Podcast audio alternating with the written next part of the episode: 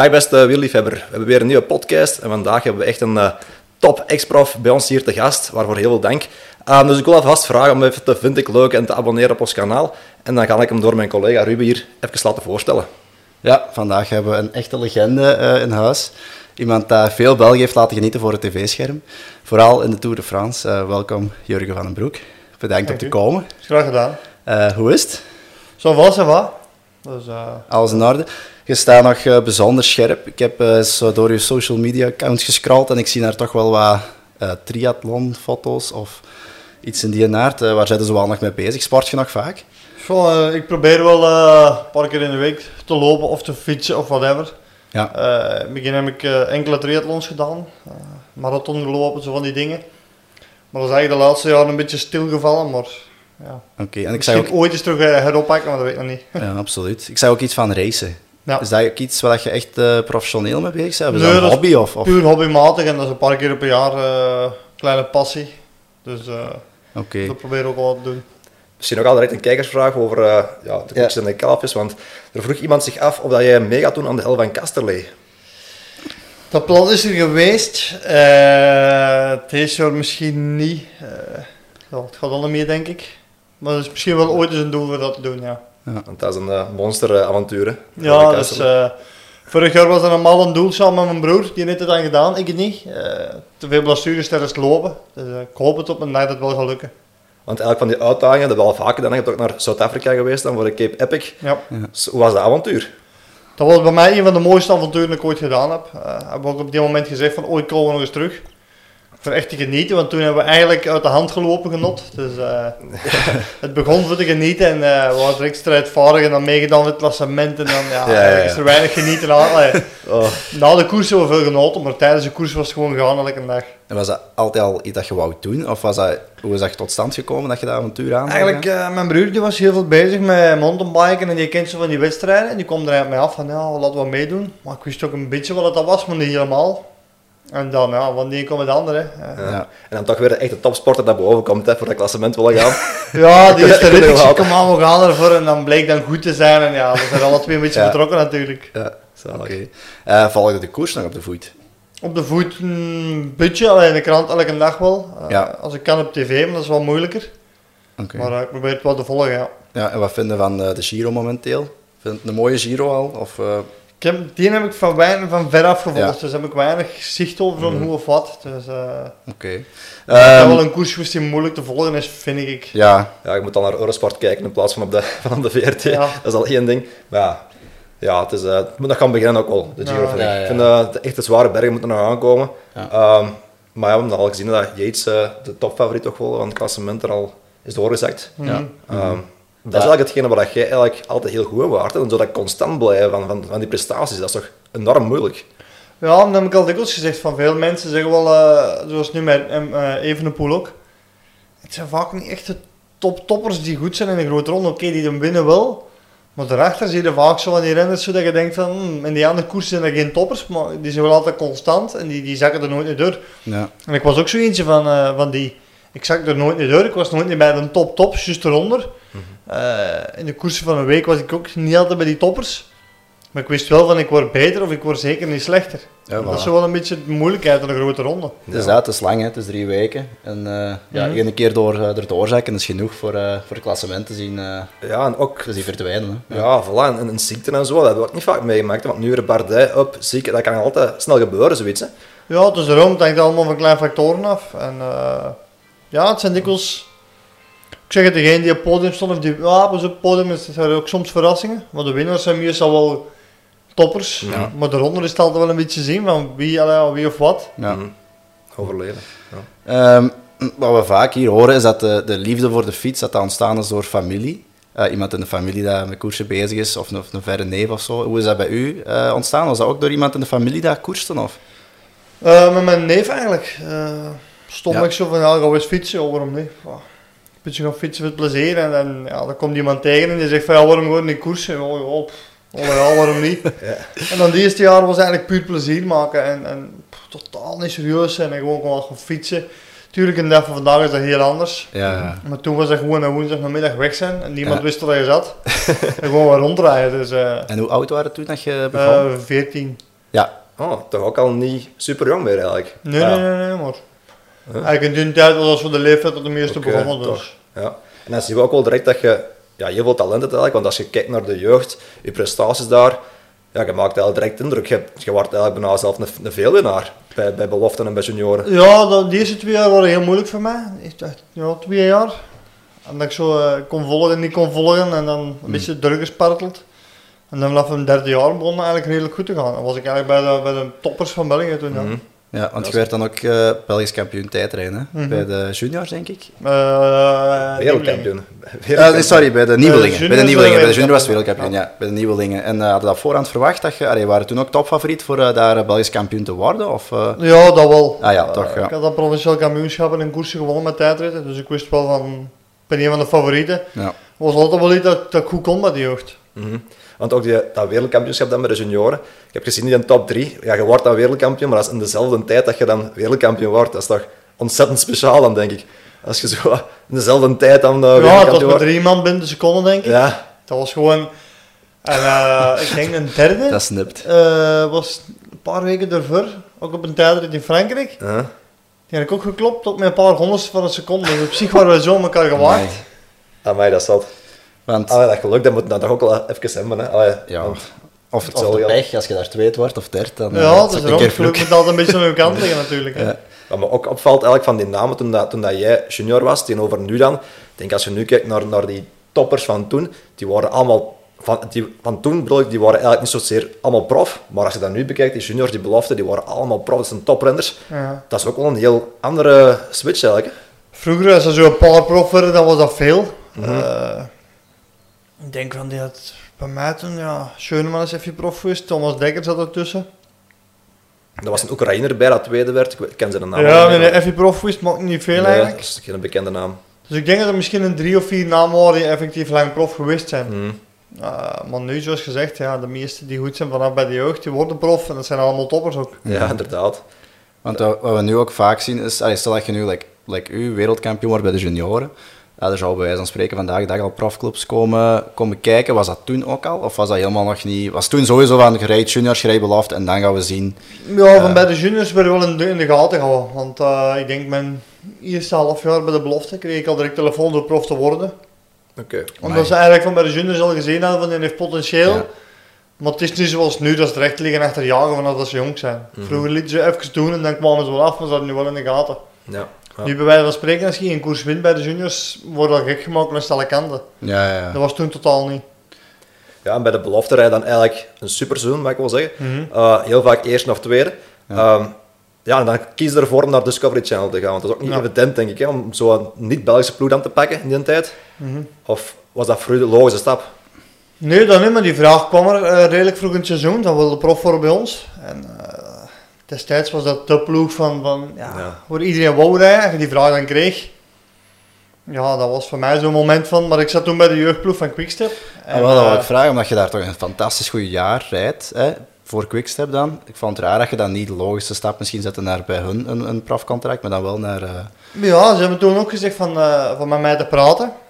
Voor prof te worden. Maar dat gesprek is nooit niet gekomen. En ik had ook een deadline bij Discovery Channel. Dat ik daar met jou wat moest geven. ja, ja. Dus heb ik toen tegen mijn ploeg ook gezegd van kijk, op die datum zou ik graag weten dat ik prof kan worden bij jullie of niet. Mhm. En ik wist nog altijd niks tegen die datum, dus heb ik ook gezegd van ja, dan kies ik het zeker voor het onzekere. Mhm. En voor mij is dat wel, allee, is gewoon een droom die uitkomt om wel prof te kunnen worden. Ja. Zeker. Wat ook opvallend is trouwens, van dat belofteploeg van Quickstep, die hebben maar twee jaar die belofteploeg gehad. Dus dat was in, dat jaar en een jaar ervoor of daarna, dacht ik. Ja. Dat is, en dan zijn ze er gestopt. Dus ja, misschien ook wel een foutje om daar niet mee door te gaan. Als we nu kijken naar ja, al die belofteploegen, toch dat er heel wat doorstroming is. Ja, maar toen is zijn die een kleinere profploeg geworden, Bodysol. Ah ja, oké. Toen zijn die eigenlijk overgegaan en dat is zo'n beetje Ja, ja, ja. alright. ja, ontstaan of weggegaan. Nou, dat is zo het continentale misschien, dat je dan kunt doorstromen. Ja, vroeger hadden we verschillende divisies. Mhm. Dat was een divisie boven de belofte dan eigenlijk. Ja. Eh, hebben zijn ploeg opgestart. Iets dat ik eigenlijk eh, bekend maakte dat ik wegging. Ja, oké. Ik vraag me dan zo wel af, en je wordt dan wereldkampioen bij de junioren. Begint dan zo bij u wel besef van, goh, ik kan misschien prof worden? En, en vanaf wanneer beginnen daar dan echt voor te leven? Van oké, ik ga niet meer uitgaan of ik, of ik, of ik zeg dingen af, af voor, eh, voor te gaan extra trainen? Of wanneer komt je switch van, eh, ik, ik ga er echt vol voor, voor dat prof worden? In dat jaar wel een beetje, denk ik. Het jaar ervoor heb ik als eerste jaar junior het WK in Ploeg gedaan. Dat was niet slecht, denk ik. Maar ik weet dat niet de plaats. Ik denk maar de eerste 20 of zo. En toen zei ze van een bond uit van kijk, je krijgt bij ons carte blanche en volgend jaar moet je terug naar het WK gaan, wat er ook gebeurt. En uh, ik heb er eigenlijk bewust bepaalde koersen minder gewist. Uh, zoals een Belgisch kampioenschap en zo, waarbij ik eigenlijk wat panikeerde van ja, moet ik wel naar het WK gaan? En de bonden toen blijven zeggen, nee nee, je gaat naar het WK en je bent onze man daar, want je kunt dat winnen. Mhm. En dat jaar heb ik echt wel vanaf, laat ons zeggen, uh, juli, augustus, geleefd als een prof van de WK worden. Ja. Ik denk wel, dat mag ik wel toegeven. Want toen won ik eigenlijk die een koers naar de ander, uh, tot mm -hmm. het WK. Ja. En toen wist ik wel van oké, okay, ik ben, allee, ja, de droom was er een prof te worden toen. Ja, oké. Okay. In 2004 ga je dan naar US Postal Service. Uh, hoe was je een overstap? Was het uh, een shock voor zo'n profpeloton of, uh, of viel dat mee? Kon het direct mee? Nee, in het begin was dat voor mij wel een shock, want ik werd al in koers gezet in Spanje waar ik totaal niet mee kon. Het was de, de, jaren van de, de befaamde Kelme-ploeg en zo. Mm -hmm. En ik dacht van, wat is dat hier jongens? Dat gaat mij nooit niet lukken. En dan heb ik wel een paar jaar ge, gesparteld, laten we zeggen, om er deur te geraken. Ja. En de ploeg had de geduld gehad en gezegd van dat komt wel rustig aan, we gaan niet te veel grote koersen rijden, we gaan rustig aan doen. En stilletjes aan werk wel beter en beter. Mm -hmm. En ik had zo wel een paar keer per jaar een uitschieten, dat ik wel zag van oké, okay, ik kan wel iets, maar ja. het moet constanter zijn, het moet beter. Ja. Ja. En uh, maar ja, zo af en toe die, die uitschieten, dat gaat wel een beetje moraal vooruit te gaan. Mm -hmm. Dat is wel heel simpel, denk ik, zo in zo'n ploeg van de grootste ploeg, Discovery Channel, dan rijden als, als jonge, jonge wolf. Om dan zo, ja, toch een beetje soms uw kans te gaan. Was dat moeilijk om uh, in die ploeg te rijden? Eigenlijk niet, want eigenlijk al die toppers, die zeiden tegen mij ook van kalm, doe je ding gewoon, uh, we zorgen voor de rest wel. Ik dacht van, ja, ik ben niet toch de jonge gast, ik moet ik toch jullie helpen? En die zeiden ook van, ja nee, we trekken onze pan. Zie gewoon dat je aankomt en wordt sterker. En dat was wel plezant. Je had altijd die rust in die ploeg, ik had nooit stress. Ik had altijd hulp van die mannen, dus eigenlijk voor mij de beste leerschool ooit. Ja. Dat vind ik wel straf om te horen, eigenlijk, omdat ja, je dan toch... Dat had ik niet verwacht. Ja, dat... eerste van, ja, die moet alle bidons gaan halen, laat hij zijn eigen eerst wat bewijzen. En, en zo, eerder nee, die maar... toestand had ik verwacht. Nee, want je had dan die toppers die echt knecht worden in de Tour. Mm -hmm. En die zeggen ook van, kijk, dat is ons job, wij zullen die bidons wel gaan halen voor u. Zie jij gewoon dat je uitrijdt en groeit, maar jij moet dat niet doen. Nice, dat was voor mij zo wel iets van, oh. Ja, die zeggen ook van, ja, het zal wel lastig genoeg zijn om uit te rijden en we zullen het zo wel doen. Ja, want uw programma is ook heel, ja, zal ik zeggen... Um, verrassend eigenlijk opgesteld. Hè. Dat is zo van de ene koers naar de andere, bijvoorbeeld Kuurne Kuurne rijden, maar dan ook een, een kleine rondje gaan rijden. Allee, hoe was dat programma voor u toen in die tijd? Want eh, later zijn we natuurlijk meer gaan richten naar het grote rondewerk. Maar ja, in het begin... Dat was toen eigenlijk zoiets van, we gaan hem overal een keer zetten en zien waar liggen nu kansen of wat kunnen. En, mm -hmm. en je moet alles kunnen. Ook voor een grote ronde te rijden was hun visie. Je ja. moet over kassei kunnen rijden, je moet in de wind kunnen rijden, je moet ja, kunnen wringen. Ja, je moet alles een beetje kunnen. En uh, bij hun was de visio koersen, een periode trainen, terug koersen. Ja. Dus ze leerden nu dat effectief van te trainen. En ik denk dat ik dat meegenomen heb naar later. Omdat veel ook zeggen, van, ja, richting de Tour, ik koerste niet veel. Dat is een feit, maar ja, op die manier kon ik het beste voorbereiden. En ik heb dat ook geleerd voor dat zo te doen. Mm. Ja, maar dat vind ik ook. Ah ja, ja, er wordt misschien vaak gezegd van het was enkel de Tour, maar is, als je de uitslaat, als je kijkt naar je, naar uw palmarès, het was totaal niet enkel de Tour. Ook mm. Dauphiné heb je keihard top 5 maar zullen we misschien straks over, over terugkomen. Ja. Um, als dat is een beetje een misvatting inderdaad. Ja, als je kijkt op brood naar de UCI-punten zelf, waar je hebt... Ja, ik denk het beste jaar was ik bij de 15 eerste, denk je. Ja, Dat, dat, zijn, dat zijn punten waar ze nu elk jaar bij Lotte toch wel tekort komen, dat mogen we wel zeggen. Mm -hmm. um, maar we kunnen misschien best voor het eerst van de carrière. Ja, het, het, het jaar nadien dan, uh, 2005, 2006, dan gaat het direct een vijfde plek op het BK tijdrijden opnieuw. Mm -hmm. deed dat veel deugd dat je dan toch even terug bevestigt, uh, ook bij de pros, dat je dat tijdrijden wel echt in je hebt.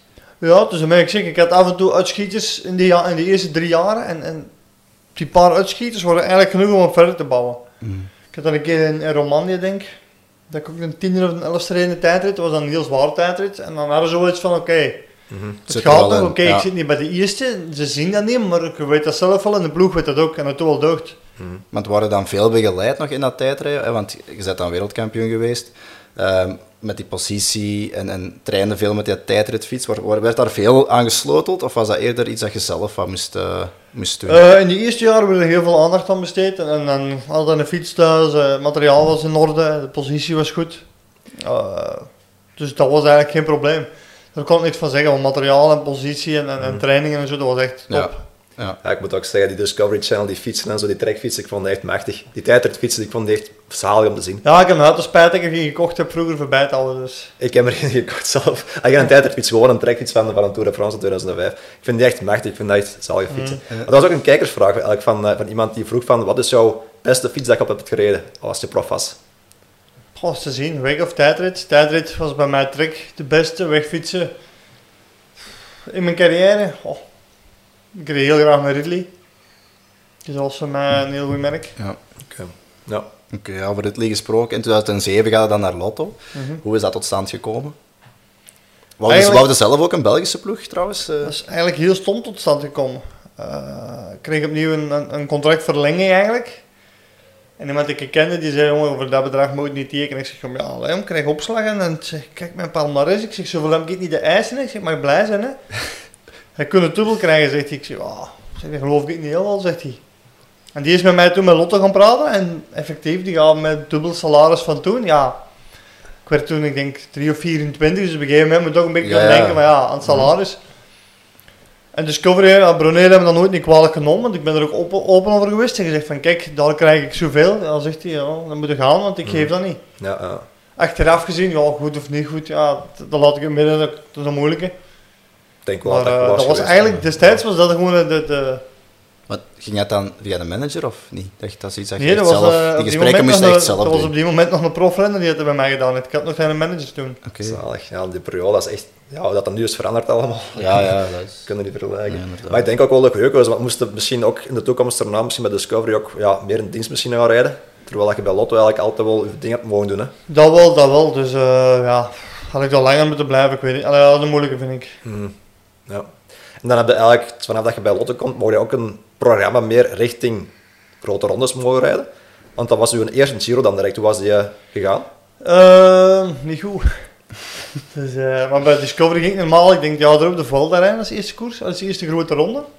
Waarbij dat bij mijn eerste Lotto was eigenlijk een Giro. Mm ik had grote ambities, maar die sloegen serieus tegen. Dus, ja, kan als gebeuren, maar kop tegen de muur lopen. Dat was een serieuze ramp toen eigenlijk. En dat was voor mij wel en, waar, waar rol ging die dan? Was dat echt als kopman dan? Of, nee, want we waren toen... vrije rol Ik denk toen McEwen voor de sprint. Dus dat was vooral voor de sprint helpen en, zelf te zien van, uh, wat komt dat? Maar ik had zoiets van, ja, ik kan bergop rijden en dat lukt hier wel. Maar mhm. dat viel uh, geweldig tegen. Ja, uh, ja gelukkig natuurlijk het, het jaar daarna zijn we wel ja, trekt top eigenlijk in de mhm. Giro. Ja, dat is... Wat heb je beleefd? Het jaar van de doorbraak eigenlijk. Hè. Dus, uh... Ja, ik zeg het, in mijn, in mijn eerste Giro dacht ik van ik ben goed en, en ik kan het allemaal aan, dan mislukt het dan. En op het einde ziet de ploegleider ook van kijk, je bent een renner voor grote rondes. Ja. Ik zeg, ja, dan geloof ik niet niks van. Ik zeg, van, kijk, deze drie weken, ik zeg, dat is een ramp hè. en dan zit je ook van, kijk, je moet in het buitenland gaan trainen, je moet gewicht kwijt spelen, je moet dit doen, dat doen, en dan lukt dat wel. En ik ben eigenlijk thuis gekomen en ik dacht van, oh, waarom niet? Ik woonde toen nog thuis en ik dacht van, ja, wat hij allemaal zegt van, je moet in het buitenland gaan wonen. Ik dacht, ja, wat kan ik te verliezen? Dat was toen nog niet eigenlijk zo, dat jij voor de Giro speciaal zei, stage gaan doen of zo, voor de eerste Giro, dat hebben we niet speciaal gedaan. dus jij zei gewoon, ja, rond de kerktoren was je mag zeggen, gaan ja, trainen. Ja, we spreken in Ardennen wat trainingen en je dacht van, hoe, dat, ik zal in orde zijn. dus dat tegen. Als je dat nu ja, zo voorbereidt, ja, dan... dan ja, vroeger, als je vroeger zei, ja, op stage, op stage, dan, dan, dan ja, dat was precies zoiets heel ongewoons. Hè. Ja, nu is het allemaal gewoon geworden. Maar toen ook, ik ben toen eigenlijk in de winter naar uh, Italië verhuisd, alleen. en dan de winter getraind. En vanaf toen, mijn eerste koers bergop, ging ik gewoon met de beste mee. Mijn eerste koers was uh, Like Willia, dat weet ik nog. En ik met Simone, met Garzelli mee naar boven op en ik was toen de zesde of de zevende. En ik dacht van, ja, nu ga je dat niet eens wild zijn. Ja. En dat jaar ging alles vlot bergop en in een Giro ging dat echt fantastisch. En toen had ik eigenlijk ook nog geen hoogtestage gedaan. Dat was ook puur gewoon beneden trainen en, en in de bergen. Ja. ja. En schrakte toen eigenlijk van wat je aan het doen was? Want allee, je wordt dan zeven, uiteindelijk zesde denk ik dat nog geworden is. Mm stond je dan nog verbaasd van jezelf? Want dat is toch echt wel straffe Ja, toen was ik eigenlijk wel, wel uh, verbaasd. Want ik denk de eerste bergrit zat ik mee. Met de beste. En dan weet ik nog dat ik een kramp kreeg. En dan heb ik eigenlijk door mijn kramp gestampt. En eigenlijk op het einde van de koers is mijn pace van achter uh, bijna afgescheurd. Tot de... Dat wou ik vragen, want ik, heb ook, ik had dan opgevangen dat je de Giro inderdaad had gereden met een spierscheur. Maar dat lijkt dus effectief zo. Door een, een, kramp van achter in mijn been. En uh, ik zeg van ja, ik zit met de eerste mee, mijn eerste bergrit. Dat mag ik niet laten gebeuren. Dus die kramp mag dan niet tegenhouden dat ik, dat ik los. Ja, dat is waar. Even door die kramp gestampt en blijkbaar moet dan een beetje die pees of die spier gescheurd zijn. Allee, een, klein dingetje erin, een barstje. Maar ja, door drie weken verder te rijden. En de laatste week, ik zei, toen is je maar aan benen nu hadden zoveel zeer van achter en dan wordt je dik. En dan uh, ja, een beetje gezien en ja, er klopt toch iets niet mee. En dan lekker met de kinesist dan gewerkt. En dan die laatste tijdrit zou je echt maar aan benen opzwellen zoals ik aan het rijden was. Ja. En het ziekenhuis en ja, bleek die pees bijna afgescheurd te zijn toen. Door die kramp. Oh my. Want drie weken met verder gereden en eigenlijk verder en verder gegaan. Hè. Dat is wel echt straf, ja. En de laatste drie dagen begon ik serieus last van te krijgen. En ik dacht van, wat is dat nu? Oké, ja. Want in die tijdrit inderdaad hadden ook voor u doen, qua tijdrijden, ook niet super uh, Ja, nee, ik moest toen eigenlijk mijn plaats verdedigen. En dan was van, ja, we moeten gewoon zien dat we dat geraken en meer niet. Als ik kon eigenlijk na de koers met een voet mee op mijn pedalen krijgen of niks. Allee. Dat is ook niet echt dat dat nadien bekend was, hè, dat dat de reden was. Allee, van die spierscheur. Ik, ik ja, weet, je moet wel weten dat de media ook ontzettend is veranderd. Hè. ja, ja, dat is waar. Dat, dat is al die zaken zijn nog niet... Ja, ik denk toen nadien twee maanden niet, ja, ik heb er twee maanden niet gekoerst. Mijn volgende koers was toen de Olympische Spelen in Peking. En ik had er al twee maanden mee gereden. Ik was er weet niet veel bijgekomen. En ik moest voor de Spelen in Peking en ik dacht van, ja, dat mag ik niet afzeggen, zoiets. Hè. Ja, nee, nee. En ik kwam eraan, iedereen keek zo naar mij van, oh, je was er jij bijgekomen. Ik zeg, ja, ik heb twee maanden niks mogen doen. Ja. maar dat zijn echt wel tijden eigenlijk, als je dat op terugkijkt nu. Ja, ik vraag me ook wel af, zo van, uh, ja, je zit dan zevende, uh, je komt dan thuis, is dat dan groot?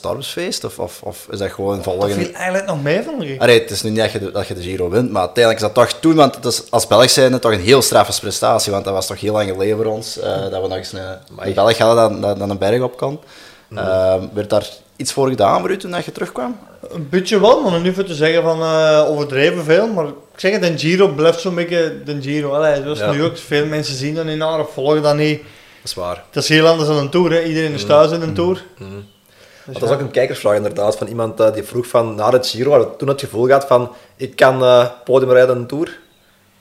Nee, totaal niet mee opgekomen. Uh, het ding was om eerst een Tour te rijden en dan te zien van wat is dat. Want ja, ik had er veel die goed waren in de Giro of Vuelta, maar in een Tour nooit niet. Mm -hmm. Dus dat wist ik eigenlijk helemaal niet van waar liggen mijn dingen. Mm -hmm. Is toen wel die beslissing gekomen van ik rijd volgend jaar de Tour? Na dat je zo bevestigde in de Ja, de ploeg wou toen dat ik in dienst van Evans de Tour ging rijden, ja erop. Dus ja. Uh, dat wel. Ja, oké. En je werd dan tweede in het jongerenklassement uh, achter Rico. Mm -hmm. uh, waren daar ook mee bezig eigenlijk, met dat, met, met dat te verdedigen of zo? Was dat voor u belangrijk? Goh, ja, je wint wel graag natuurlijk, maar ik denk dat hij toen tweede of derde is geworden. Ja, die was inderdaad. Ja, ja, ja, Dus ja, ik wist dat dat redelijk moeilijk was natuurlijk. Ja. Uh, als je natuurlijk nadien er wordt uitgehaald voor dingen die mogen, ja, dan is het ook weer een zure, maar... Ja, als je kijkt naar ja, Rico zijn carrière, dat is eigenlijk... Uh, ja, absoluut. Ja, de Cobra, maar het was meer als enkel uh, het gif van de Cobra. Dat was echt ja, jammer. Mm. maar ja, dat jaar uiteindelijk goed gereden en dan de Tour daarna. Mm Wat waren ja, de verwachtingen samen met Evans? Bij Evans viel dan eigenlijk een beetje tegen, als we dat mogen zeggen. Mm um, had je toen het gevoel van, oké, okay, volgend jaar is misschien uh, enkel ik als kopman daar. En, uh, want Evans ging toen het jaar daarna weg. Eigenlijk niet, want allee, ja, ik, ik kwam met Evans wel goed overeen. En het ding was, ik ga dan een tour als helper van Evans. Uh, maar het begon eigenlijk al, al voor die tour zo'n beetje. Ik, ik denk, ja, Evans is wel een toffe kerel, maar een speciaal karakter. Ja. En ik, ik moest met hem dan op stage gaan, op hoogtestage. En ik denk dat hij daar gevoeld heeft van, Jude, ik kan wel goed bergop. En plots zei hij in de meetings ook van, ja, je ruggen moet op de vlakke ritten meespringen, want bergop heb ik die niet nodig. Ik dacht van, echt? Ja. Ik dacht van, heb ik nu weken op die berg gezeten voor deze te doen? Ik dacht van, allee. Ja, dat kan toch niet. Als je zevende zijn in de Giro ervoor. En dan zo, ja, ja, dat was Evans, dus ik dacht misschien van, Jude is even goed, ja. terwijl ik er niet mee bezig was, want ik wil echt voor hem werken. Mm -hmm. En ik had er echt goesting in om gewoon eh, zonder stress, en we zien wel. Ja. Tuurlijk, mijn geluk was toen, denk ik, dat hij van de eerste bergrit er tussenuit viel. Ja. En ik, ik, ik was toen mee voorop, denk ik, zelfs. Dat weet ik nog niet exact. Dus het plan was een beetje dat ik meesprong en dat ik hey, voor hem kon werken dan in de finale. Mm -hmm. en eigenlijk de, van de eerste bergrit tot de laatste ben ik altijd mee voorop geweest. Mm -hmm. ja. dat, dat, ik op een uur zelf sorry zitten in het ploeg, want ik, kon, ja, ik was elke nog mee in de, in de kopgroep. Ja. Ja, ja, dat was echt een opvallend Giro inderdaad. Want Evans inderdaad toch wel als een van... Tour. Ah, tour, sorry, excuus. Als de favoriet naar daar, inderdaad, ja, ja. sta ik daar direct door het ijs. Dan moet ook een andere sfeer binnen de ploeg dan, denk ik. Of... Ja, je zag wel dat hij een beetje uh, opgenaaid was en niet goed wist van hoe of wat. Uh, achteraf bleek dat ze hem al gek aan het maken waren van op BMC te gaan, zijn de geruchten. Mm. Ik weet het ook niet. Uh, ik heb er ook weinig van gemerkt. Mm. Dus er waren wel, binnen de ploeg waren er toen wel spanningen, vooral met Emmons en de ploegleiding, dat wel... Mhm. Eh, ik heb ook nooit de reden geweten, ik heb gewoon mijn koers gereden altijd en, en ja... Ook, niet tegen hem gereden of zo, dat was gewoon mijn opdracht om mee te zijn elke keer, dus... Uiteindelijk worden daar ook wel vijftiende, hè? dat is toch ook wel uh, een mooie prestatie. Uh, was dat die tour ook dat je dat, dat incidentje daar had met die Franse president, Sarkozy? Was dat, jaar uh, nadien. En wat, wat was dat juist? Want ik, ik, ik meen me dat te herinneren dat dat toen heel hot in de media was, maar... Ja, maar dat was toen uh, boven bovenop Tourmalet, als ik me herinner. Ja, laatste bergrit. Bovenop Tourmalet, regen, kou, noem maar op. Dus uh wij moesten boven blijven, want ik had controle, noem maar op. Dus je zit er een tijdje en het is redelijk koud. Mhm. Dus, uh, en al die, al die verplichtingen moesten met de fiets naar beneden een heel stukje.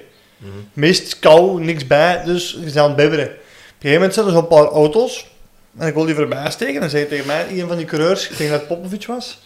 Ja, nee, doe maar, dat is een president. Ik zeg, ja. Wat maakt mij dat uit? Ik zeg, ja, en we zijn ik, ik zeg, ja, ik zeg, waarom mogen we niet voorbij met de fiets? Was... Wij misdoen toch niks? Ik zeg, het is koud, regen. Ik zeg, ja. En ik wil die voorbij steken. Ik word met een auto gewoon in de kant geramd. Ik dacht van, hè. Dus ik probeer langs de andere kant. Je doet dat nog eens. En een derde keer steek ik bewust dat je... Ik, ik ja. bewust dat je nou wou rammen. Ja, dus ik steek een derde keer terug voorbij. En draait zijn raam open. Die pakt zijn geweer zo en zegt van nog één keer of je start morgen niet meer. Ik zeg, oh. Wat pakt? Die pakt zijn geweer? Ja, die kijkt zo naar mij en zegt nog één keer en je start morgen niet meer, hè. Ik zeg tegen hen ook, en toen zei ze, ja, de president zat erin. Dat kan toch Maar ik vind een beetje, moet ik, ja, oké, ik heb respect voor die mensen, maar wat onze bus stond, pak die een helikopter. Dan denk ik ook van, ja, laat die renners eerst naar beneden, want er hong een heel peloton achter, die man waren koud. Ja. We waren verkleumd van de kou, ja, wij doen, misdoen niks met al een auto erbij steken, hè. Nee, ik vind ook gewoon, als je als renner moet, moet, de aandacht krijgen dat je verdient daar ook. En dan moet een nieuwe eigen boven de renner voelen, zeker. Nu ook als de president. Nee, maar oké, okay, maar vind dat dat kan. geweer ook. Ja, dat, was... ja, dat was een bodyguard ook. Oh, dan moet ik wel even oppassen. dat is een nauwste beginnen aan te pakken, maar kom maar. nee, nee, nee. Uh, moest je toen uh, dat jaar ook al een herentaalscriterium rijden? Na, na die tour? Was dat je eerste denk dat dat de eerste keer was, ja. Vraag me dan zo ook wel, van, is dat dan een verplicht nummer of is dat wel kicken omdat dat dan in uw eigen stad is en waarschijnlijk uh, iedereen langs de kant wel echt voor u juicht? Dat zijn... Oh, ja. Als je te veel doet, zijn dat verplichte nummers. Maar als je zo'n paar duimen kon vonden, is dat wel leuk. Ja. Dat jaar heb ik er redelijk veel gereden. Ja, maar dat voor mij ook wel de moment was toen, dus ja. Tuurlijk. Maar op een duur wordt dat wel inderdaad een verplicht nummer en dan denk je van, pff, mm. nu weer al. En, en je merkt wel als renner ook, als je te veel doet, begint de, de, de vriendelijkheid is er ook een beetje af, maar je het wat moe wordt. Allee, je wordt zelf moe, je wordt gewoon naar huis gaan en je denkt van... Ook, Terwijl je achteraf denkt van ja, dan had ik nog minder moeten rijden. Ja, je is ook moe van de Tour gewoon. Hè, ja, ik... Drie weken gepresteerd en dan moet je nog eens criterium rijden. En dat wordt ook wel redelijk gereden nog. Hè. Ah, ook zo ja, ja, ja, wordt doorgevlamd. Hè. Ja, ook, het is bijna elke nacht dat je terug weg bent. Hè. Want Roeselaar dan nog eens een keer of zo, of, of weet ik veel waar het allemaal is.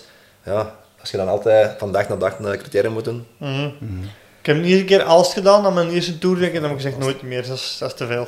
Dag er nadien al direct. Ja. Wat ik me eigenlijk nog afvroeg eigenlijk is van, uh, omdat je hebt de ploegleiding meegemaakt, de oudere ploegleiding van, van Lotto eigenlijk, van hoe dat uw band daarmee was eigenlijk. Want er is nu ook wel wat kritiek geweest recent dan op, ja, op, op Langen ook, maar op daarvoor Herman Friso en, uh, en Sergeant. Hoe is uw band met die ploegleiders geweest? Um, goed tot op een gegeven moment, maar de, allee, de meeste jaren wel goed. Dus heb weinig probleem mee gehad. Tuurlijk, mm. dat was allemaal de oude manier nog, zoals gezegd. Dat is, ja, je moet ook vernieuwen, hè. Mm. Ja. Mm. ja, ik hoor nu ook wel veel positieve dingen nog achteraf dan natuurlijk van, van renners van Lotte binnen de plottenploeg, die daar toch wel uh, ja, veel respect voor hebben ook, voor, voor, die, voor die ploegleiders. Heb je nu nog zo extra sympathie voor Lotto? Of is dat zo de ploeg dat je nog het meeste volgt of zo? Of, of niet, niet per se? Niet per se, nee. nee niet bepaald per se. Uh, nu, het jaar nadien had natuurlijk een fantastisch jaar. Je werd dan ook vierde in de Dauphiné. Gaf dat extra vertrouwen richting die Tour? Dat je echt wel wist van, oké, uh, dit jaar gaat het, uh, gaat het goed zijn? Ja, de Dauphiné was voor mij altijd wel een koers. Ik wist van, oké, als die goed is, dan kan er een tikje bij. Maar als, die, als ik daar in orde ben, dan, dan, dan zit het goed en dan ben ik klaar. Ja. Want tijd geleden nog gezegd van, uh, dat zijn de momenten die je wel mist als renner. Zo, die hoogtestages en naar huis komen en voelen van, oké, laat me beginnen, ik ben klaar. Mm -hmm. Dus dat was wel een plezant gevoel zo. Ja. Als het snel door dat je eigenlijk echt goed waard, die een Tour? Dat je dacht van, top 5, dat, dat is wel mijn ambitie? Of met wat ambitie ging je naar die Tour? Goh. Dat was, moet ik al zien wat jaar was dat? 2010 normaal. Dat was ja. ja. het jaar van 10 ging eigenlijk voor top 10 te rijden gewoon. Gewoon top 10. Ja. ja. Hm. Dan heb je het goed gedaan. Hè? Want in het begin kwam dan, ik denk, dat de kasseirrit gaat. Ja, die En ik denk dan de eerste rustdag was uh, op, op, hoe noemt je berg in Dallappese? Bovenop de top, aankomst en dat was een rustdag. Was het Delphi? Nee. Nee. Uh, en toen kwamen ook de vragen van eh, top 5, top 5. Want ik stond toen, ik denk derde of vierde, de eerste rustdag. Maar natuurlijk, ik wist het ook niet wat er nog ging komen. Dus en, hmm. en dan worden ze wel een beetje van, wat moet er nu op antwoorden? Hè? Ja. Ik kan me ook wel herinneren, die, die kasseren dat je zegt. Als je dat nu ziet, wat, wat rit was dat? Ik heb, ik heb dat gisteren nog eens keer bekeken. Dat was ongelooflijk. Die klasse mensrenners, die komen... Want Cancellara trekt het daar uiteen. Mm. En dan met, in het zag is Schlek. Schlek rijdt dan eigenlijk mee naar, naar de meet. Hussoft wint de rit. Maar jij komt daarachter, rijdt, hij rijdt nog top 10 in een kasseirrit. Ah ja, dat waren klassementsrenners en kassei. Ja, dat was echt... Maar dat was, ah ik vind het echt straf dat je dan de, de kassei, mannen zo gezegd, ook gewoon lost. Ah ja, dus het is niet zomaar dat je enkel berg op, maar die kasseirbureau waren heel wat klassementsrenners ook gewoon de beste. Mm -hmm. Dat vind ik straf. Ja, weet je, dat je goed bent, materiaal is goed, je wordt goed gebracht. Je hebt geen pech, want eigenlijk hebben we daar de koers, hebben we tijd verloren door pech. Mm -hmm. uh, in die Tour en Cancellara uit in de rit naar Spa denk ik stilgelegd door een valpartij. Ja. Mm Omdat Schlek niet mee was. Ja, en dan daarna niet. En in die kasseirit vallen ze en rijdt hem door met Schlek in het wiel. Mhm. Dus dat vind ik achteraf ook wel een beetje zoiets van, ja, dat is een dubbele. Tuurlijk, ja, wat moest je toen zeggen tegen Cancellara? Dat was toen de grootste renner, of een van de grootste. Ja, ja zeker.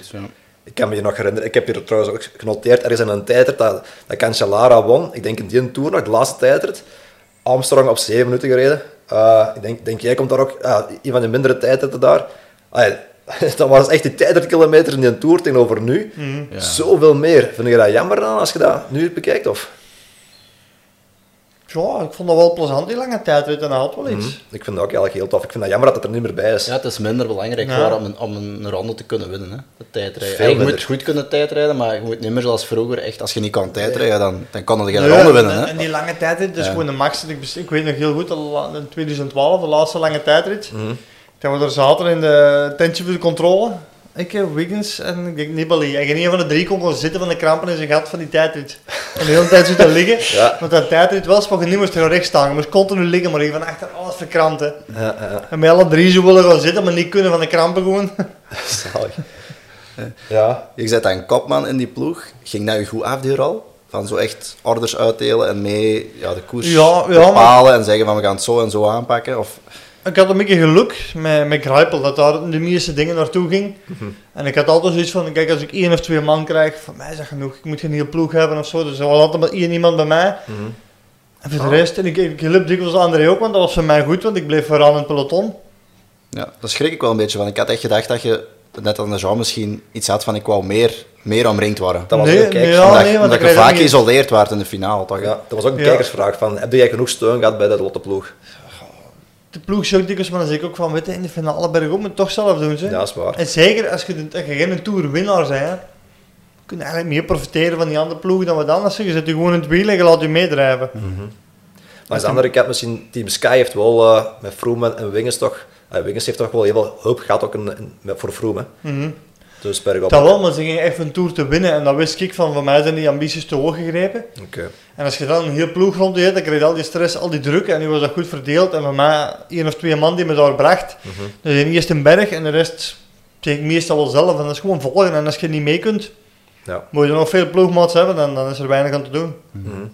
Want je wordt eigenlijk wel bekend als eigenlijk de enige echte goede klimmer bij, bij de Lotteploeg toen.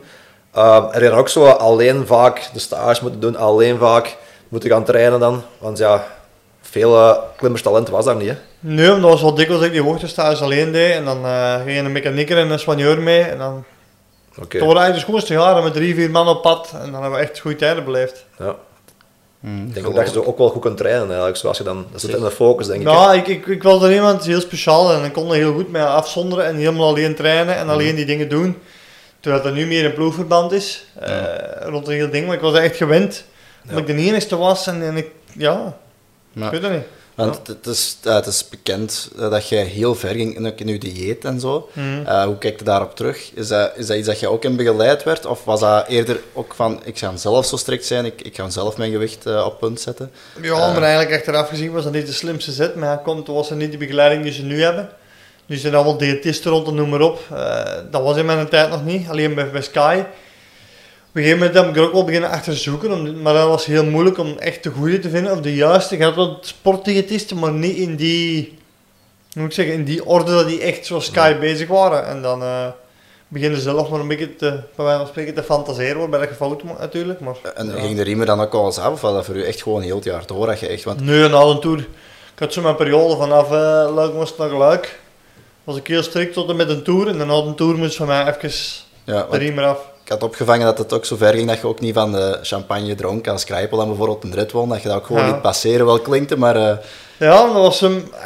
Echt gewoon mentaal van, niks is niks. Puur mentaal, ja. ja. ja. Want ik had zoiets van, stel ik dat nu wel doe en ik los morgen. ik snap dat wel. Ja, ja, ja, ik, wil niet weten, ah, ik wil niet hebben van, had ik maar, had ik maar. Ja, ja. dat is eigenlijk wel. Ja, nee, maar ik snap dat ook wel. Ja, ja puur. Maar ja, is, respect, en, ja, ja, nee, maar ja, respect ook zeker. Zeker, maar als je daarmee bezig bent met dat doel, dan maakt er die opoffering gewoon, denk ik. Ja, dus maar drie weken, dus dan denk ik ook van, ja... Ja. Um, ja, ik wou nog uh, uh, de vergelijking maken, Giro en Tour. Ik denk als er één groot verschil is, is het wel de media. Uh, mm -hmm. Ben je daarvoor klaargestond? Want je begint natuurlijk daar serieuze uitslagen te rijden. Ik weet nog, ja, heel het land zal er roer. je krijgt daar een, een als je op de bus komt, staat daar een heel, een heel pers mm -hmm. voor je bus. Was daar een begeleiding voor? War je daar klaar voor? War je ervan geschrokken? Hoe was dat, hoe was dat voor u? Ik was er totaal niet klaar voor. Ik was er echt van geschrokken. En, en begeleiding helemaal niet. En dan heb ik wel achteraf altijd gezegd van, hadden ze het al wel gedaan? Had ik naar, de, naar, de, naar het publiek en zo heel anders overgekomen. Ik zeg maar, een uur werd erin gedropt. En plots, ja, na, na, na een week tour of zo, vloog hele wereldpers bij wijze van spreken op mijn nek. Terwijl ik niet wist van wat moet ik hier gaan antwoorden. Of, of allee, ik wist zelf niet wat te verwachten. En als je daar een beetje in begeleidt of een beetje wordt in, in beschermd, ik denk dat je heel anders overkomt. En nu was dat zo van de koers gedaan, iets zeg maar. Ja. Trekt u op plan als je zoveel mogelijk antwoorden geeft, hè, maar ja. ja op die momenten is het heel moeilijk. Ja, en ik denk ook gewoon toen, als je dan inderdaad, je wordt dan geïnterviewd vlak na zo'n bergetap, zo'n keizware bergetap waar je volledig door het rood zijn gegaan, ja, dan is het logisch dat je zo, zo af en toe eens je prikkel eraf ja, tuurlijk. een vraag Des te meer zou het beter zijn geweest als ze dat begeleiding ja, als iemand zou zeggen van je moet dat zo en zo en zo doen, uh, allee, dat zou toch makkelijker ja, geweest zijn. Of iemand die een beetje afschermen en zei van voilà. nou, de vijf minuutjes doen nu en dan genoeg. Maar ja. nu was dat zo van ja, natuurlijk die pers, des te meer ik dat deed, des te liever had hij dat. Hè. Ja, ja, want ik weet nog... Allee, Sensatie, en dat vinden ze dan, ja. In het algemeen zat dat zo wel dat je ja, geen moeilijke relatie had met de pers, maar inderdaad, wat je het een beetje zegt, zo'n beetje een verkeerde indruk, denk ik, van... Uh... Ja, en nadien is die relatie met de pers alleen maar beter en beter geworden, want ik had eigenlijk een heel goede relatie mee. Mm -hmm. Natuurlijk, die mensen knippen die beelden en die komen dan op een tv, terwijl die van de journalisten weten van dat dat zo niet was. Maar ja, dat komt anders op tv en het publiek. Mhm. Ja, de mensen maken er iets anders van, van wat het echt gaat is. Rappen, dat gaat rap. Ja. Uh, het jaar daarvoor het dan vijftiende. Uh, is er een groot verschil in dopingcontroles eigenlijk, met dat je zo uh, top 5 aan het rijden bent? Of is dat ongeveer hetzelfde dat je gecontroleerd Nee, dat is wel de, de, laatste, ik denk, de laatste week na de laatste rust, ik denk je soms twee tot drie controles per dag had. Per dag? Dus op zich... Mai. Mai. Dat ja, dat is wel uh, serieus. De laatste week, morgens en s avonds. En dan soms nog eens naar de koers. En hoe vroeg is dat dan, s morgens? Vanaf 6 uur soms. En dat is altijd via urine dan, of, of, of hoe is dat? Urine of bloed. Ja. En dat is echt gewoon op de kamer door als staan te bonken dan, ja. totdat je wakker wordt. Een paar keer ruzie gehad, maar... kan ik wel enkel... Voor waar ruzie? Ja, dat te vroeg was of Ja, de controleurs ook de laatste week toe, 6 uur komen ze dan aan. Alle begrip voor, pas op. Maar daarvoor moet ik niet het licht aansteken met een ploegmaat wakker maken die pas om half negen moet opstaan. Ay, dat vind ik zoiets van... Dat is jammer, zoiets. En zij eisen, dan, zij eisen dan wel dat je het licht aan oh, ja, ze kloppen dan aan en dan zeg je, ja, ga mijn kleren aan doen. Ja, maar we moeten nu zien, doe het licht aan. Ik zeg, mijn kamer slap nog gaan nu. Dit en, dus eigenlijk die jongen wakker maken, terwijl hij nog twee uur en een half kan slapen. Mm. Dat vind ik dat wel ja, van, ja. Ja, nee, inderdaad. Maar zou het dan verschil maken, een uur of zo, van, van af te nemen, dat je iets wel of niet kunt vinden of zo? Of, allee, dat, want ik snap anders de reden helemaal niet erbij. Ja, vroeger, ik weet niet wat dat nu zit, die regels, maar vroeger tussen 6 en, moet ik zien wat ik zeg, 10 s'avonds zeker, kon ze komen controleren. Oké. Ja. Um, Goed. Ja, het jaar ja. nadien. Um, vraag me dan af dat je ook nog specifieker tool heeft naar die tour en qua begeleiding ook. Is de ploeg nog meer gefocust op dat doel? Want ja, je rijdt het jaar daarvoor uh, eigenlijk vijfde. Mm -hmm. uh, is daar nog een verschil geweest van oké, okay, we gaan nu echt, echt voor dat podium gaan? Of wil je gewoon terug top 10, top 5 proberen te gaan? Nee, de ploeg toen... Uh, ja, dat jaar is mijn contract veranderd dan. En zij zei toen ook van, kijk, voor ons stond alleen een tour, dat moet alleen goed zijn. Oké, dat was niet zo van u uit of zo dat dat moest. Enkel de tour was ook wel meer de ploegleiding. Dat ja, de ploeg ook. En uh, dat is dan ook wel jammer dat dan in de pers gezegd wordt, hè, van andere koers is hem niet goed, terwijl hun, ja. hun doel was een tour.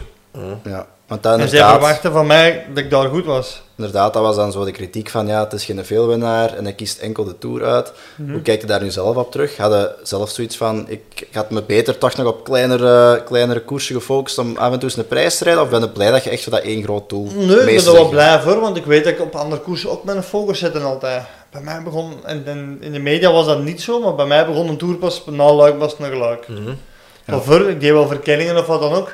Maar ik reed al die koersen voor het best mogelijke. Ja. En dan Luik ging de riemer even af en dan was voor mij alles voor de Tour. Dauphiné Tour en dat was het. Ja.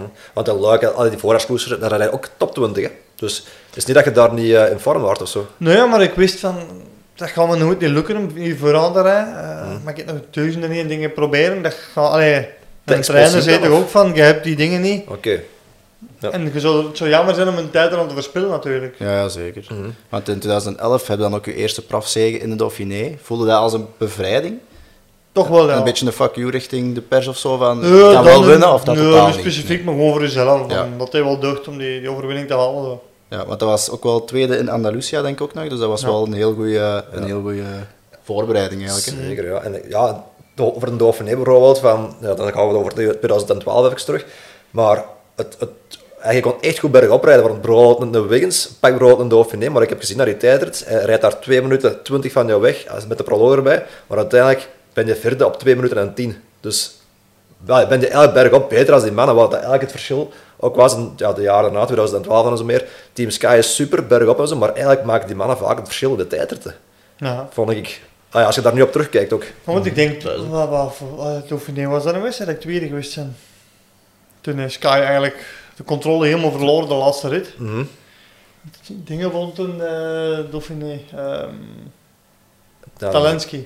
Ah ja, ja, van Carmen. Ja, toen is de laatste rit alles op zijn kop gezet en ja. toen kon het Team Sky niet meer mee en toen stond iedereen daar alleen voor. Mm -hmm. was wel een plezant ritje toen, moet ja. ik wel zeggen. Want toen zei je zelf eigenlijk zo naar Team Sky gekeken, want dat waren toen ook in jouw jaren de grote bazen van, van het peloton, zal ik maar zeggen. Mm -hmm. Vond je dat zelf ook, voelde dat ook zo aan als van die mannen moeten komen?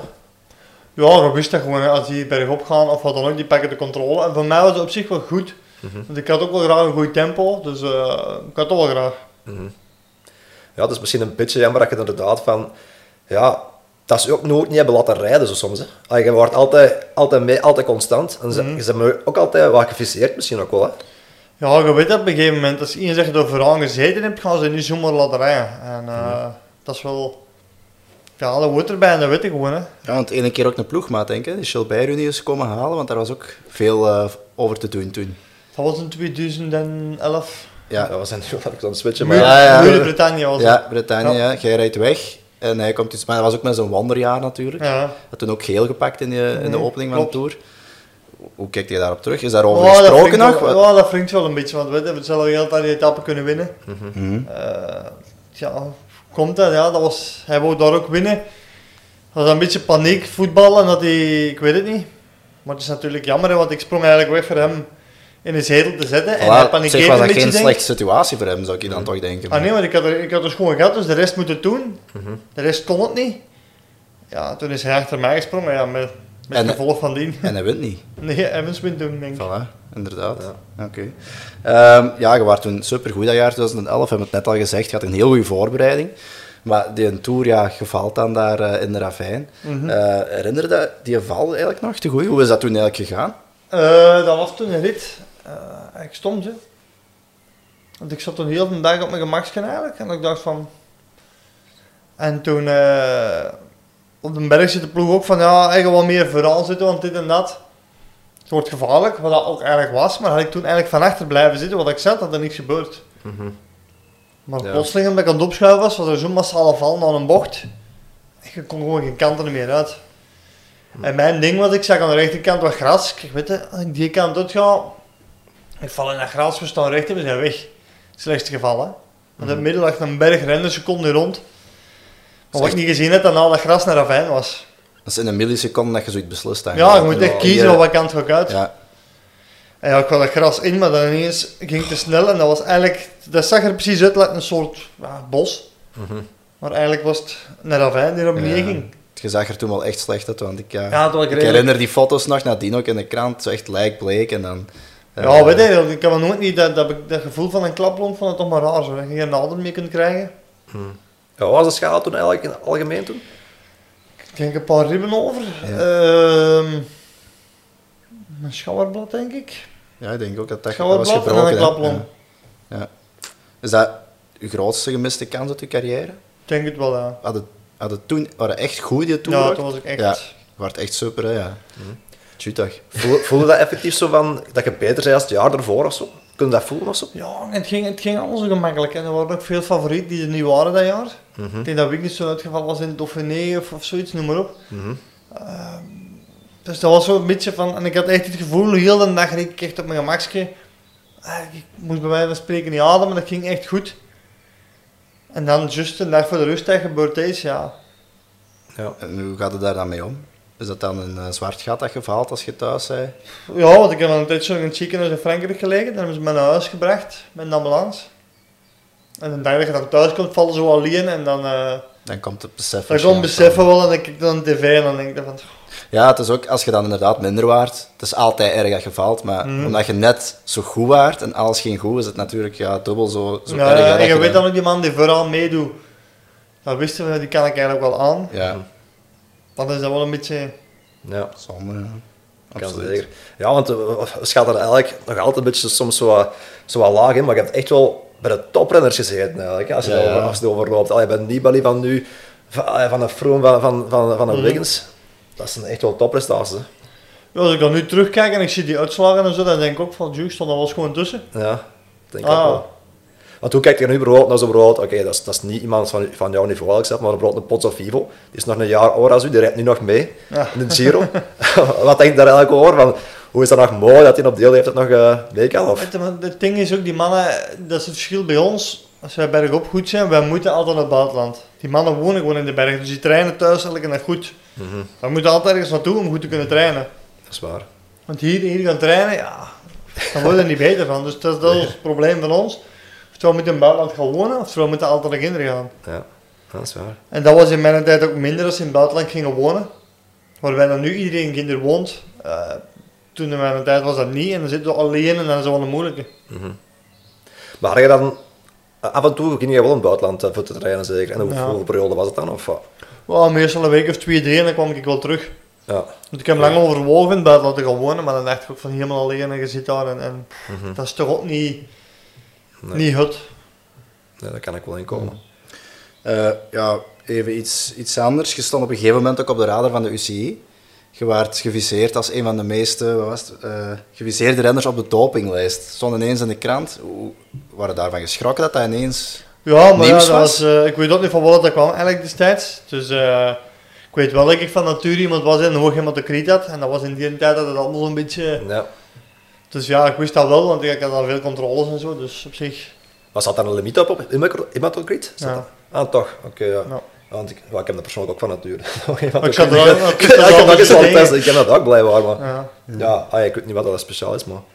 Ehm, Stel dat je nu zo... eh, Je zit dan, uiteindelijk zit eigenlijk derde geworden hè, in de Mm. Tour. Dat is je hoogst haalbare plaats, maar je waart dan geen derde. Dus omdat iemand geschorst is. Spring je dan een gat in de lucht? Of, of, of doet dat iets met u? Of denk je van, ja, weet je, dat is voorbij. Derde, allee, vierde, vijfde, het maakt niet uit. Eigenlijk niet, het stond op een papier, ja, maar voor de rest hadden er weinig aan en dan is het wel jammer natuurlijk.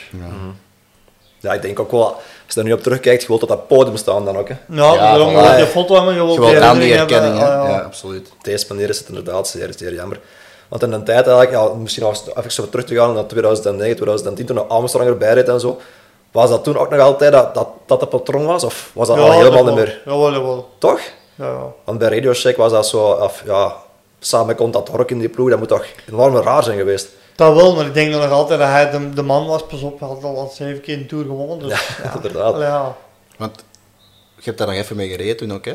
Hmm. Was dat was sympathieke mens? Of, Ja, ja, ja, je kon altijd zeggen, altijd goeiedag, eh, altijd tips geven of wat dan ook. En dat was echt voor mij wel... ja. Maar echt, echt mee gekoest of zo, heb je daar niet vaak Nee, gedaan. stage wel. misschien of zo? Of, of... Toen ik bij hem prof was bedoelde. Ja, ja. Nu een paar koersen, maar voor de rest stages. Hè. In de ja. winterstages en dan voor de rest ik, een koers of drie, vier misschien totaal, zoiets. Ja, oké. Want dat is natuurlijk wel ja, het verschil in de ploegen eigenlijk. Als je daar aan bijrijdt, ja, dat bergoprijden, daar zal wel een pak meer uh, gefocust zijn daar mm. tegenover Lotto. Ja, dus daarom zijn er wel een beetje die ervaringen van hoe te trainen, wat te doen, noem maar op. Dus uh, dat was een groot verschil. Ja. Denk je dat je in een andere ploeg een hoger resultaat had behaald? Goh, dat is een moeilijke vraag. Nou, dat is een moeilijke vraag. Ik had vraag misschien, maar ik wou ze toch stellen. Ik weet het eigenlijk niet. Ja. Ik heb er ook al dikwijls over nagedacht, maar mm -hmm. ik weet het niet. Ja, die mannen van Vrotos voor Vlaanderen ook, van, van Wart van Hoofd, de voorlijstende podcast, die denkt ook altijd na van, ja, als ik nu bij Rol bij Ineos rij, wat zou het verschil maken tegenover Tos voor Vlaanderen en Ineos? Ja, je kunt dat niet weten. Hè. Dat, is, dat zal sowieso verschil maken, maar uh, mm. Lotto, pas op. Ik denk wel dat ze professioneel genoeg waren bij jou. Dus. Mm. Ja, maar op dat vlak denk ik, als ik me bij Ineos had gereden of noem maar op, ik weet het mhm. niet, had misschien wel een groot verschil Ja, toch wel, ja, inderdaad. Ik denk er misschien toch wel eens over. Goed, 2012, opnieuw, supergoed voorjaar. Hè. Derde in Catalonië, vijfde weer in de Dauphiné. Koers lag je echt wel Dauphiné. Mm. Waren toen eigenlijk uit op revanche voor die tour?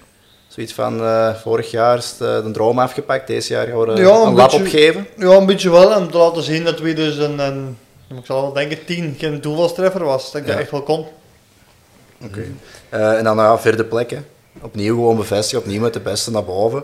Uh, ik denk dat Wiggins de Tour wint, Vroom tweede, Nibali derde en jij viert. Ja, mm -hmm. straffe kost wel eigenlijk. Hè. Ja, ik denk dat in, een van de laatste bergritten waren we aan het vechten, vechten voor die derde plaats. Mm -hmm. uh, ik heb nog een paar keer geprobeerd voor aan te vallen, maar ja, ik kreeg hem toch niet gelost. Je weet ook van, die gaan niet zomaar los aan Nibali. Mm -hmm. En ik moest dan redelijk gaan dichtrijden, denk ik. Was twee minuten of zo. Ja, ja, ja. Dus ik denk, die Tour was voor mij, ik heb hem nergens laten liggen, denk ik.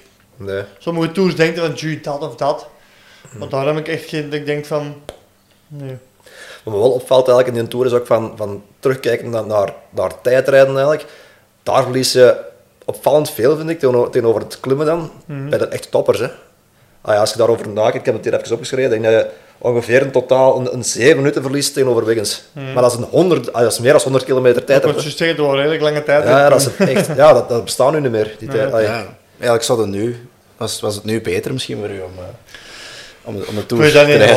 Ja, meestal lag het allemaal wel op zijn plaats in die tijdritten, mm. dus uh, dat was nu niet het. Maar nee. natuurlijk tegenover Wiggins was ja, de machine ja. natuurlijk. Voilà, dat, ja, die reed alles kapot in die tijdritten. Mm. Dat was samen met Froome veruit, veruit de meeste tijd, beste tijd. En dan begint een beetje de pech hè, in de Tour. Het jaar nadien vallen, het jaar nadien drie keer vallen en een bacteriële infectie. Uh, hoe ging het daarmee om? Was dat echt een heel moeilijke, zware periode. Uh, ja, dat was het echt twee keer uh, na elkaar ook Ja, in 13, in 13 ook, dat was echt zoiets van de dingen doorgekomen. Dat is ik zeg, Sardinië of was auto gestart? Ik weet niet meer, een eilandje daar in Frankrijk. Ja. Uh, of was auto gestart? De Sart of zo? Nee. Ja, een eiland daar in Zuid-Frankrijk ook al direct opkomen. De Corsica daar ergens. Ja, Corsica. Ja. Maar er ook uh, eigenlijk heel gevaarlijk en, en, goed doorgekomen. Ik dacht van ja, we zijn vertrokken. En dan uh, ploegentijd in Nice was eigenlijk goed voor ons. Dus we waren echt in, in, in een goede flow vertrokken. Mm -hmm. En dan die massasprint, ja. Je zit daar voor u zeggen een seconde te verliezen, maar ook niet echt mee te sprinten. Maar ja, je moet een beetje mee, want dat is gelost. En, en dan, uh, voor mij denk ik, Bohani die knalt er bonk op je op en dan kan gewoon meer weg. En eigenlijk vol op mijn knie gegaan en daar is eigenlijk mijn serie begonnen. Mm -hmm. Want ja. hebben we dat echt gevoeld dan ook, het jaar daarna, van die blessure, dat je echt impact had? Of? Ja, ik voelde wel, uh, voor terug te komen was heel moeilijk. Uh, ja, daar ook voelde direct van die koersen, pff, ging die van, uh, niet direct goed. Uh, veel spieren bijgekweekt wat normaal niet mag, maar ja, met de revalidatie veel andere oefeningen gedaan en, ja. en ja. gewicht bijgewonnen en dat was voor niet echt het, het goede. Ja, ja. Want ik kan me ook wel voorstellen, denk ik, zeker als je zo ja, ouder bent te worden, ook, dat je het, het op scherp stellen van jezelf, dat dat moeilijker wordt. Ja, wel zeker toen ook gevoelde van, ik vind dat ritme precies niet meer bergop. Mm -hmm. dus ik heb het nu vorig jaar ay, tegen niemand gezegd, maar ja, met even een pool in die Giro ook, ook gezien, van op een gegeven moment is het ook op. Hmm. Tegen bepaalde mensen ook gezegd van kijk, dat gaat gebeuren, die gaat geen week volhouden, want die is, die is op van die revalidatie. Mm kon natuurlijk moeilijk in de media gaan zeggen, want ja, het is de renner van België op die moment, maar ik wist hoe dat, dat voelde om terug te komen en dan in een grote ronde plots proberen mee te doen. Dat is niet simpel. Nee, nee, oké. Okay. Want je dreef zijn lichaam zo ver te revalideren. Ja. Om dan plots te denken van, in de koers gaat dat ook, dus, dus dat is nog moeilijk is. Hè. Mm -hmm. ja. Die val in die ravijn, heeft dat eigenlijk lang meegespeeld in, in het dalen nadien? Of, of? Ja, dat toch een, een goed jaar meegespeeld. Het effectief niet meer durven dalen of Ja, af? als het regende, dan was ik echt... eh, Oké. Ja, je ziet er nu ook al af en toe zo eens een keer ja, dat, dat er renners zijn die minder risico's durven nemen. Heb je dan ook het gevoel van, oké, mannen, wat jij hier aan het doen zijn, nee, pas even, want... Ja, ik heb dus zelfs een paar keer een paniekaanvallen gehad in de afdaling. Oh, Amai, dat is wel Dus heel soms kun je beter crashen en er meer weten, maar ik wist daar nog alles van in die val en dat bleef zo wel een beetje in mijn hoofd spelen. Ja, ja. Dus tijdens dat je aan het taal waard Ja, dat je dacht ja. van, als ik hier nu nog eens een keer... Ja. Mhm. En is dat dan met een mental coach of zo dat je Ja. dat overkomt? Of ja? Met een mental coach hebben we dan eigenlijk zo wat therapieën gedaan, dat ik dat wel een beetje vergeten ben en dat het wel een pak beter ging. Ja, oké. Want in 2014 vallen dan drie keer. Ja, dat was... Is dat, is dat, ja, is dat pech? Is dat niet goed genoeg zijn op die moment dat je erdoor zit? Of, of is weet dat, dat niet, of is is dat dat- dan? Want drie keer is veel natuurlijk. Ja, als je gestresseerd bent om het echt goed te willen doen, ik weet het niet, maar dat, want dat was toen in Engeland, dat ik dat weet ik nog. Is Thomas Printjes al keer gedacht, maar alleen nu weet dat niet. Ja. En nooit, nooit niks erg of zo, hè, maar ik dacht van, allee, man, dat kan ik toch niet? ja. En een bacteriële infectie. Maar je rijdt de Tour wel uit. Ja, maar ook gevoeld van dat er... eh, Het vet was van... eh, ja, van de gevoeld soort- dat overal die bergritten was meer spartelen dan, dan, dan klimmen en, en ja. Ja. Maar ook veel te ver gegaan in de revalidatie, terug willen afvallen, veel te veel afgevallen en, en ik denk dat er ja, een cyclus is wat je niet uitgerokt zeker, op een gegeven moment. Was toen voor u zo het Tourverhaal af, afgelopen? Of ging Nee, je altijd ik wel had, met ik focus ik naar had hem het nog één of twee keer goed gereden en dan gezegd van, ik had hem ooit nog eens graag gereden zonder stress en dan gezegd van, nu is het goed geweest. Mhm. Dat is nooit niet gelukt. Ja, ik denk ook wel als je eenmaal die status hebt, dat dat Ja. moeilijker is. Hè. Ja. Is niet Ah, iedereen kent jou dan. Mhm. Ja, want ja, nadien eh, mocht hem niet meer rijden of hebben beslist om Mhm. niet meer te rijden. Hoe is dat gegaan? Was dat een beslissing van de ploeg of was dat een beslissing van uzelf? Dat je Eh, niet meer... van de ploeg mocht ik niet meer rijden toen. Oké. Welk jaar zitten we nu eigenlijk? Want, Eh, 15. 2015. Oké, ja. ja. Ja. Dat was eigenlijk het jaar nadat hem drie keer was gevallen in zijn bacteriële infectie, het jaar nadien. En dan heeft de ploeg zelf dan beslist om, om Mhm. je niet te laten starten. En was dat voor u een beslissing waar je mee kon leven? Of uh, waren er wel vanaf dat voorjaar ook weer terug val voor je Tour aan het leven? Nee, want ik wist van na de Tour 14 van... eh ik kan niet... ja. Het zal niet meer bij deze ploeg zijn. Nee, het was zo'n beetje strubbelingen na die Tour van 14. Dus, eh, of niet, na de 13. Na de Tour van 13 begon eigenlijk een beetje de miserie al in de ploeg. En hij heeft 14, 15 doorsparteld. En dan heb ik gezegd van... Oké. Miserie omdat je met die pech en zo, maar het resultaat toen niet kwam? Ja, ik had toen... dan moet ik zien wat ik zeg, wat jaar... Ik denk dat ik toen nog een tweejarig contract had bij, bij de ploeg. En eh na mijn val... Eigenlijk in plaats van te vragen van hoe is het met u, hebben ze eigenlijk direct gezegd van ja, je verdient te veel, met de contract je moet inleveren en dit en dat. En toen heb ik ook gezegd van ja, ik krijg eerst de kans om te revalideren en te bewijzen dat ik nog kan of het niet kan en dan zien we wel. Ja. Ik zeg maar, eh, allee, ik heb toen vier jaar getekend omdat zij effectief wouden omdat anders de ploeg stopte, want het zijn geen UCI-punten. ja. Ah, toen ook al. Ja, ik heb in 2011 heb ik toen getekend en dat jaar had ik juist heel veel UCI-punten. Ja, ja, ja.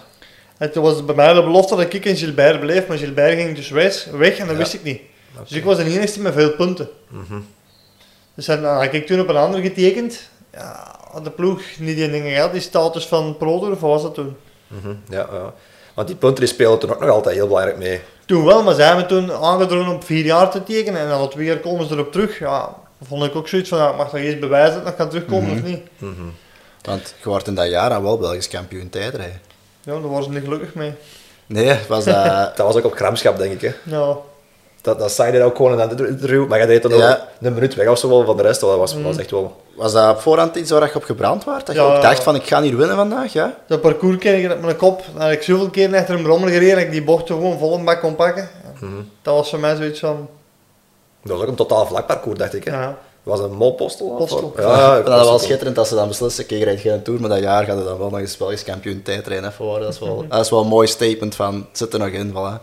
Ja, ik vond, ik vond het gewoon ja, ja, jammer de manier waarop alles verlopen is. Ja. En, Ik denk ook wel als zo, ja, die soort mentaliteitswijziging dat tegenover de tijden van nu dan, dat, dat ik denk dat zo'n verhaal, ik denk dat er heel veel beter communicatie is nu tussen de ploegen en tussen de renners ook. nou, Ik denk dat zoiets ook niet meer gaat te zien gaat zijn. Ja, het menselijke aspect is denk ik wel wat belangrijker Als je. Lefevre met Bennett eh, het verhaal hoort, Ja, dan Ja. denk je ook weer van, maar dan spreekt misschien dan weer over eh, ja, generatie, generatie mannen. Ehm, ja, dan kies je uiteindelijk voor Katusha nog te gaan. mhm. ja, Dat is wel, eh, inderdaad, waarom? Want dat is toch een heel ander... eh, Dat was eigenlijk omdat de, bijna heel de omkadering, de omkadering was van Brugger bij US Postal. in Discovery. Oké. van ah, personeel en noem maar op. De meeste mensen zaten daar. En ik dacht van, en die mensen daar ah. gebeld. En ik dacht van, verdomme, ja, dat zou wel leuk zijn om terug met die mensen. Dirk de Mal en zo zeker was dat ja. ja. Oké. Was het een, een, was een, een groot verschil met een Belgische ploeg op die moment? Of? Dat wel, maar dat voelde wel een beetje naar thuis Oké, ja. Natuurlijk, het probleem was toen ook dat er ook wel veranderingen op komst waren. Dat ik al een jaar gereden heb. Mhm. Heel veel veranderingen op komst, die konden geen zekerheid meer geven aan hun centen en wat was het allemaal. Dus dat was wel een beetje jammer. Mhm. Oké. En dan uh, afsluiten bij, bij Jumbo.